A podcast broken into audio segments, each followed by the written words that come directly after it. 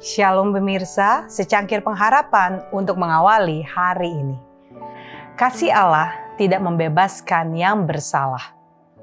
Yang meneguhkan kasih setianya kepada beribu-ribu orang yang mengampuni kesalahan, pelanggaran, dan dosa.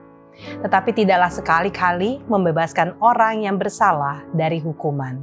Keluaran 34 ayat 7 akan ada perubahan yang segera dalam pekerjaan-pekerjaan Allah. Dunia dalam kejahatannya sedang didatangi oleh kehancuran-kehancuran, oleh banjir, angin topan, kebakaran, gempa bumi, kelaparan, perang, dan pertumpahan darah. Tuhan itu lambat untuk marah dan besar kuasanya namun dia tidak akan membebaskan orang-orang berdosa.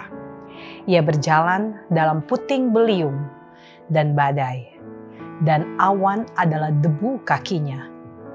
Oh, kalau saja manusia mau mengerti akan kesabaran dan tahan menderitanya Allah, dia sendiri harus mengekang sifat kealahannya kuasanya yang tidak terbatas berada di bawah kendali yang maha kuasa.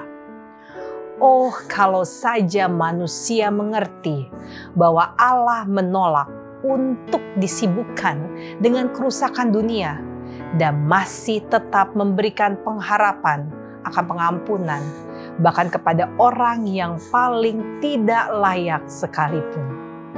Tetapi panjang sabarnya tidak akan berlangsung terus. Siapakah yang akan bersiap menghadapi perubahan yang begitu cepat yang akan terjadi dalam penanganan Allah akan orang berdosa?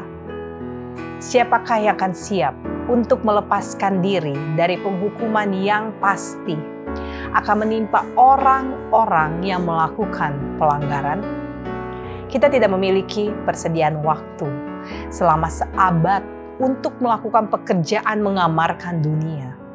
Ada kebutuhan akan perubahan jiwa.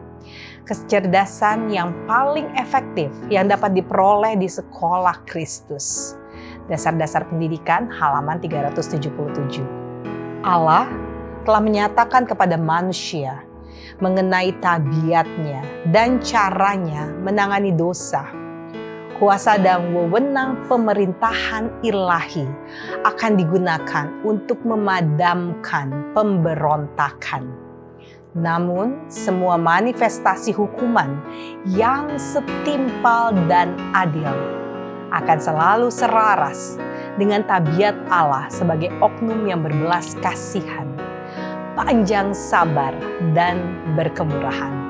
Alfa dan Omega, jilid 8, halaman 568 dan 569. Demikianlah renungan kita hari ini.